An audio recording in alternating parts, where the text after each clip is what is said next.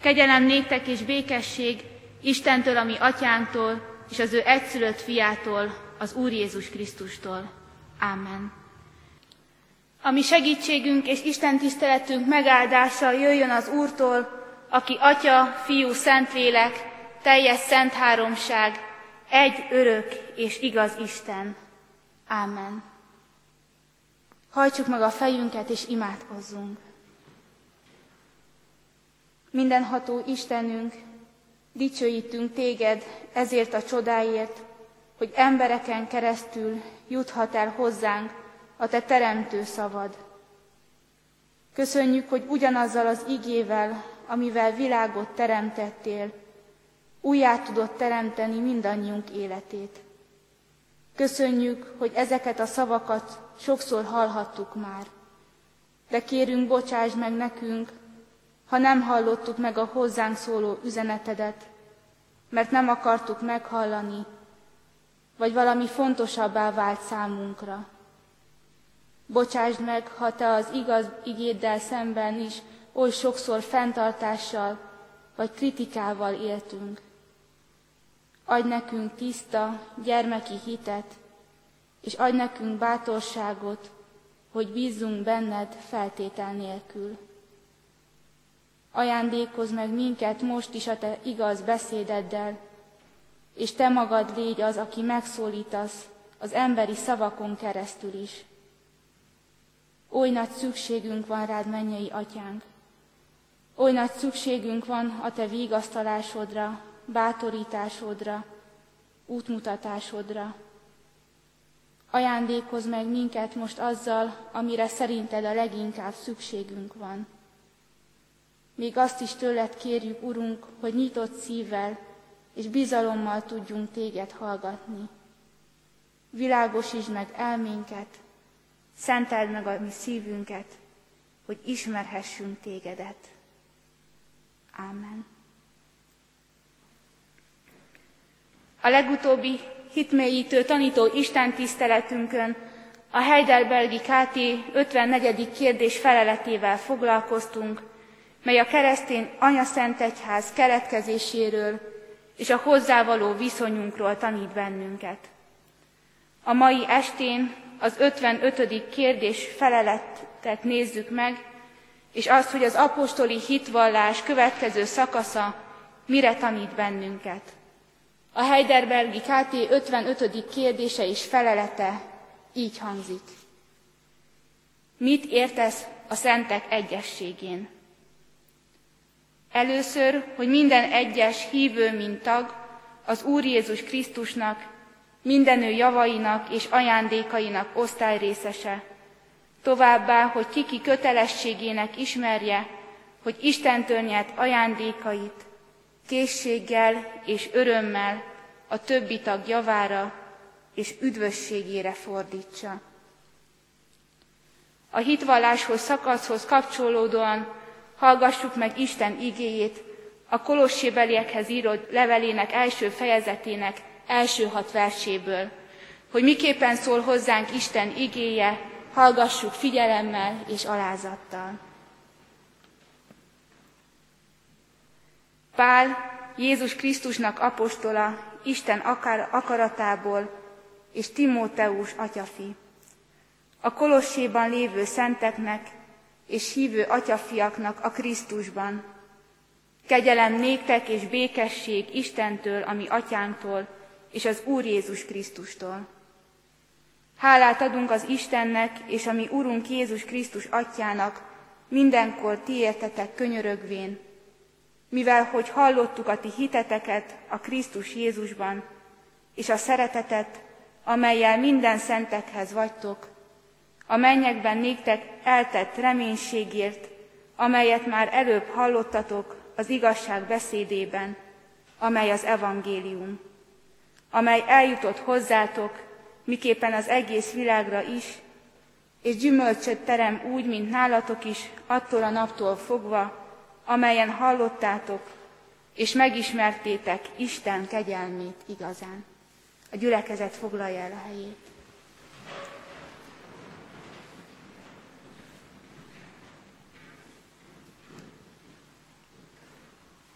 Kedves testvérek, mit értesz a szentek egyességén? Teszi fel a Heidelbergi KT a mai napon a kérdést. Hitvallásunknak ez az egyik legnehezebb és legelhanyagoltabb szakasza. De nem csak ma, hanem az egyház történelem során is nehézséget jelentett ez a pontja a hitvallásnak, hiszen csak a negyedik században vált szerves részévé a hitvallásnak. Addig voltak olyan területek is, ahol ezt a szakaszt nem tekintették a hitvallás részének, ez a passzus kimaradt. És később is, mikor a hitvallást magyarázták, akkor sem tekintették önálló résznek, hanem az előzővel, az Anya Szent Egyházról szóló szakasszal együtt magyarázták. De azzal, hogy végül is a Szentlélek vezetése által ez a szakasz is bekerült a hitvallásba, kifejeződik az, hogy valamit ki kell hangsúlyozni. Nem elég az számunkra, hogy tudjuk, hogy mi a keresztény Anya Szent Egyház. Kell az a többlet is, hogy ki tudjuk mindannyian személyesen is mondani azt, hogy hiszem a szentek egyességét. De mit is jelent a szentek egyessége? Kik tartoznak ebbe a közösségbe? Ige szakaszunk alapján először nézzük meg azt, hogy kik tartoznak ide, másodszor pedig azt, hogy akik ebbe a közösségbe tartoznak, mi a feladatuk. Kik tehát a szentek közösségének tagjai? Pálapostól több levelének a címzésébe is használja ezt a kifejezést, hogy szent. Jelen esetben a kolossébeli gyülekezet, tagjait szólítja meg így, a kolosséban lévő szenteknek. De kik is ezek a kolossébeliek? Milyen emberek ők? Vajon tényleg megérdemlik azt, hogy Pálapostól szentként szólítsa meg őket?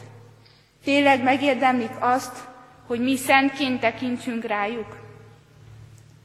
Tudnunk kell azt, hogy Pálapostól nem véletlenül ragadt tollat, és nem véletlenül ír ennek a gyülekezetnek.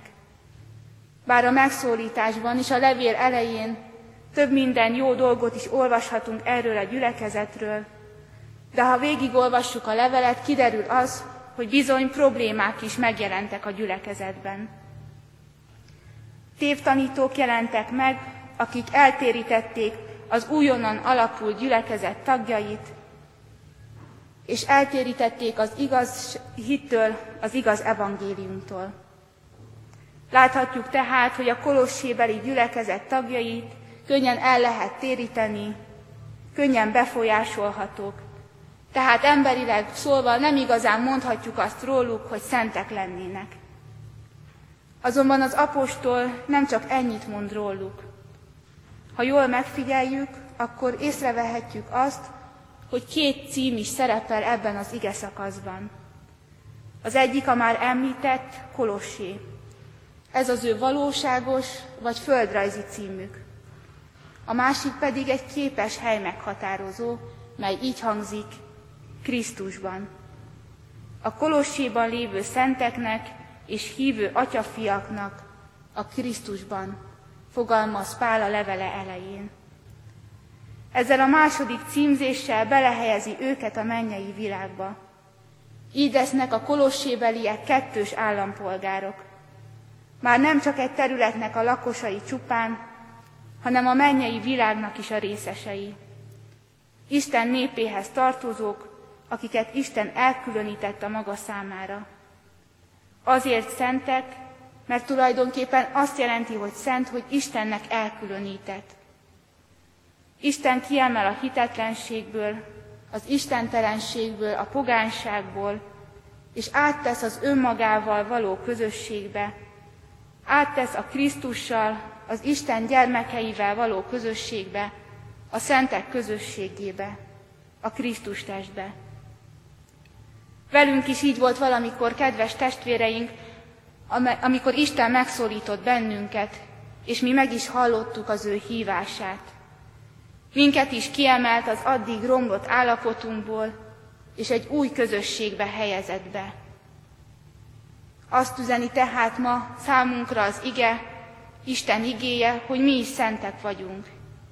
Jézus által Isten számára kiválasztott, lefoglalt, szentek vagyunk, de nem azért, mert bűntelenek lennénk, hanem azért, mert Jézus Krisztus birtokában vagyunk, az ő testének a részesei vagyunk. Így közösséget alkotva a többi taggal, bátran mondhatjuk közösen, és mindenki személyesen is, hogy hiszem a szentek közösségét, mely a Jézus Krisztus testéhez tartozik, mely az egyház, és bátran mondhatjuk együtt azt is, hogy hiszem, hogy annak én is élő tagja vagyok, és örökké az is maradok. Valójában ez az egyik töblete ennek, hogy hiszem a szentek egyességét, hogy személyesen is megtudhatjuk, hogy valójában hova is tartozunk. Személyessé válik a mi hovatartozásunk. Nem csupán egy intézménynek, a református egyháznak, és nem csupán egy gyülekezetnek vagyunk a tagjai, hanem mint szentek, Krisztus testének is a tagjai vagyunk. Ebbe a közösségbe el- először keresztelésünkről kaptunk meghívást. Akkor a legtöbbünk esetében szüleink és keresztszüleink mondták azt a hívó szóra, hogy szeretnék, ha mi is tagjai lennénk e közösség földi megtestesülésének, az Anya Szent Egyháznak. De később mi magunk is megfogalmazhattuk ebbéli akaratunkat. A másik többlet az előző részhez képest pedig az, hogy nem passzív tagjai vagyunk a Krisztus testébe betagozódott egyháznak, hanem tevékeny munkálói is. Ezzel pedig elérkeztünk oda, hogy megnézzük azt, mi a feladata, vagy ahogy a KT fogalmaz, mi a kötelessége azoknak, akik a szentek közösségébe tartoznak. Mindaz, amit Isten kegyelméből az evangélium hallása után kaptunk, amiben részesültünk, nem tarthatjuk csak úgy meg magunknak, hanem ezt tovább is kell adnunk. Meg kell jelenjen ez az öröm a mi életünkön. Nem maradhatunk egy stagnáló, mozdulatlan állapotban, hanem a mi szentségünk életfeladatunká, életprogramunká kell váljon, hasonlóan ahhoz, ahogy ez történt a kolossébeli gyülekezettel is. Ahogy Pál fogalmaz, gyümölcstermővé vált az ő életük.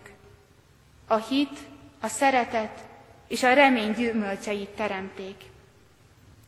Ennek a kis gyülekezetnek, a kolossébeli gyülekezetnek híre volt. Hitük messze földre elterjedt.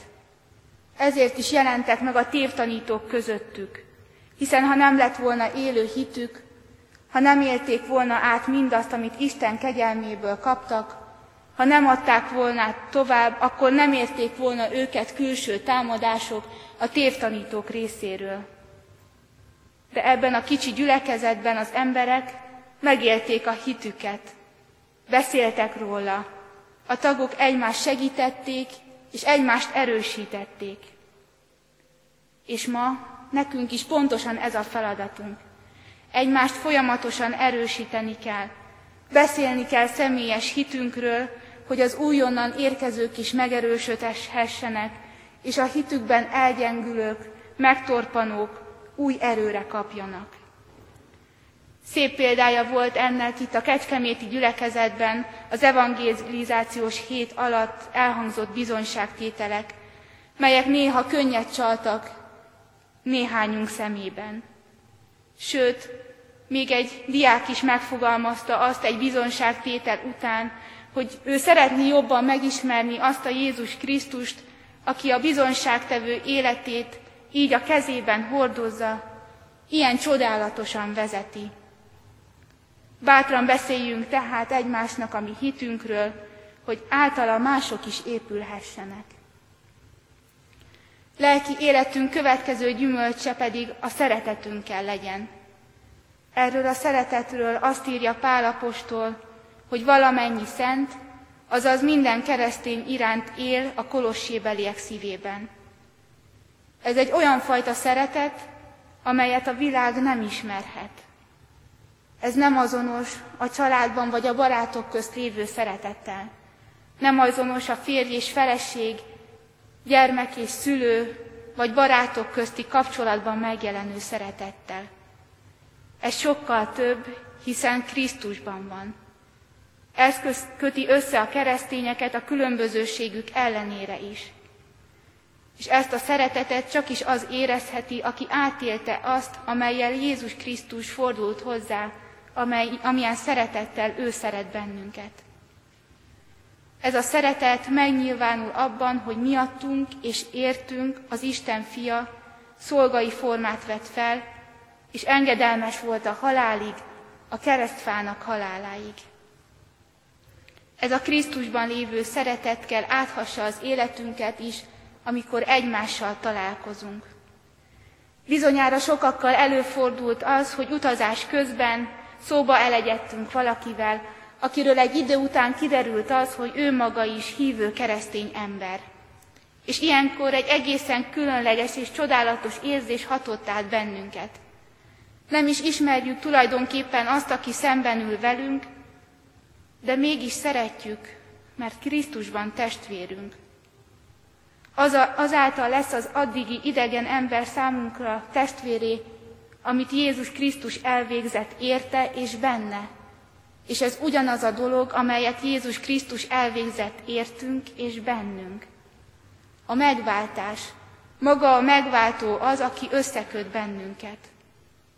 A feladatunk tehát az, hogy ezt a szeretetet közvetítsük azok számára, akik még nem élték át, de rajtunk keresztül megtapasztalhatnak valamit belőle, és egyre jobban vágynak arra, hogy ők is részesei lehessenek ennek a szeretetnek és ennek a közösségnek.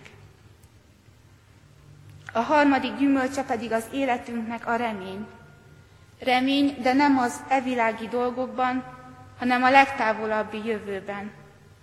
Azoknak a határtalan áldásoknak a bizonyossága és várása, amelyek az eljövendő időben várnak a hívőkre.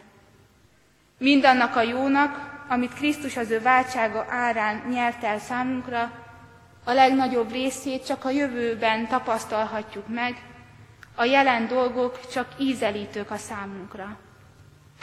A remény tehát nem más, mint Isten ígéreteinek a komolyan vétele, amikor tudja valaki, hogy az vár rá, amit számára Isten készített el, és nem a bizonytalan jövő miatt aggodalmaskodik. Ezért bízza Istenre magát és szeretteit a reménységgel hívő ember.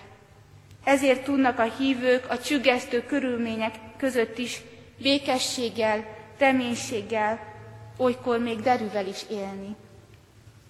És ez a reménység egy kicsit hasonlít a mostani időszakunkhoz, az adventi várakozásunkhoz is. Hiszen van egy biztos tudásunk és hitünk arról, hogy Jézus Krisztus eljött közénk, meghalt és feltámadott. És van egy biztos reménységünk is afelől, hogy vissza fog térni közénk. Erre a visszatérésre várunk adventkor is, és ebbe a visszatérésbe vetjük minden reménységünket. És amíg mi biztos alappal rendelkezők várakozunk Krisztus visszatérésére, addig az a feladatunk, hogy hirdessük az ő evangéliumát és örömhírét szélese világon. Drága biztatás tehát, kedves testvéreim, és hatalmas erő az számunkra, hogy a hitvallásban szerepel ez a rész, hiszem a szentek közösségét. Milyen nagyszerű dolog Jézushoz és általa az atyához tartozni. Sose feledjük azt, hogy szentek vagyunk mi is, Isten kiválasztott, elhívott, a tulajdonában lévő gyermekei. Adja Isten, hogy az idei adventi készülődéseinket is áthathassa annak a tudása és megvallása, hogy mi is a szentek közösségének tagjai vagyunk, és készülődéseinkben is tudjuk a hit, a szeretet és a remény gyümölcseit teremni. Így legyen. Amen. Gyertek testvéreim, fennállva imádkozzunk.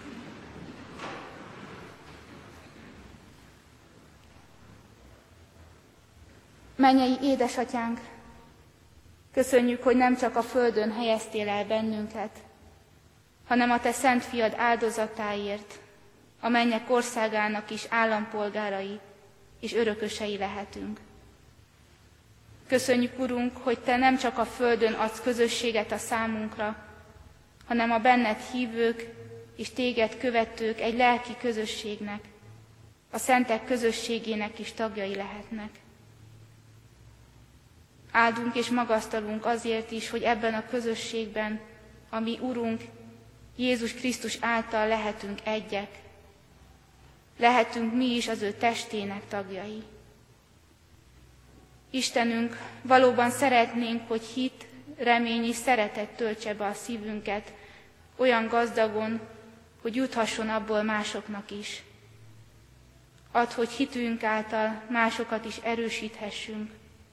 Add, hogy a tőled jövő szeretet által a másikat is szerethessük, és add, hogy a remény által bizonyosságunk lehessen abban, hogy Te helyet készítettél számunkra a mennyei hajlékban. Megvalljuk, hogy sokszor mégis azt kell átélnünk, hogy oly üres a szívünk, vagy oly nehéz, mert annyi minden megterheli azt. Terheli sokak szívét a gyász és a fájdalom. Kérünk, te légy a gyászban a gyászolók vigasztalója. Terheli a szíveket az egyedüllét. Kérünk, te légy, Urunk, a földi magányban is társ. Terheli a szíveket az anyagi gond. Kérünk, te légy a nehéz helyzetben lévők gondviselője. Kérünk, Urunk, egyházunkért, a hívek és a szolgálók munkáját áld meg gazdagon. Kérünk, Urunk, nemzetünkért, vezetőinkért, áld meg őket hittel és bölcsességgel. Add, hogy megszokott létünk ellen, megosztott létünk ellenére is Krisztusban egységesek lehessünk. Kérünk a szentek közösségéért, hogy tagjainak száma napról napra növekedhessék, és együtt magasztalhassunk téged, velünk közölt minden jó téteményeidért. Szent fiad nevében hallgass meg minket. Amen. Közösen is imádkozzunk az Úr Jézus Krisztustól tanult imádság szavaival. Mi atyánk, aki a mennyekben vagy, szenteltessék meg a te neved, jöjjön el a te országod, legyen meg a te akaratod, amint a mennyben, úgy a földön is. Mindennapi kenyerünket add meg nékünk ma, és bocsáss meg védkeinket, miképpen mi is megbocsájtunk az ellenünk védkezőknek. És ne vigy minket kísértésbe, de szabadíts meg a gonosztól, mert tiéd az ország, a hatalom és a dicsőség mindörökké. Amen. Vegyük Isten áldását. Istennek népe, áldjon meg téged az Úr, és őrizzen meg téged. Világosítsa meg az Úr az ő orcáját te rajtad, és könyörüljön rajtad. Fordítsa az Úr az ő orcáját te reád, és adjon néked békességet. Amen.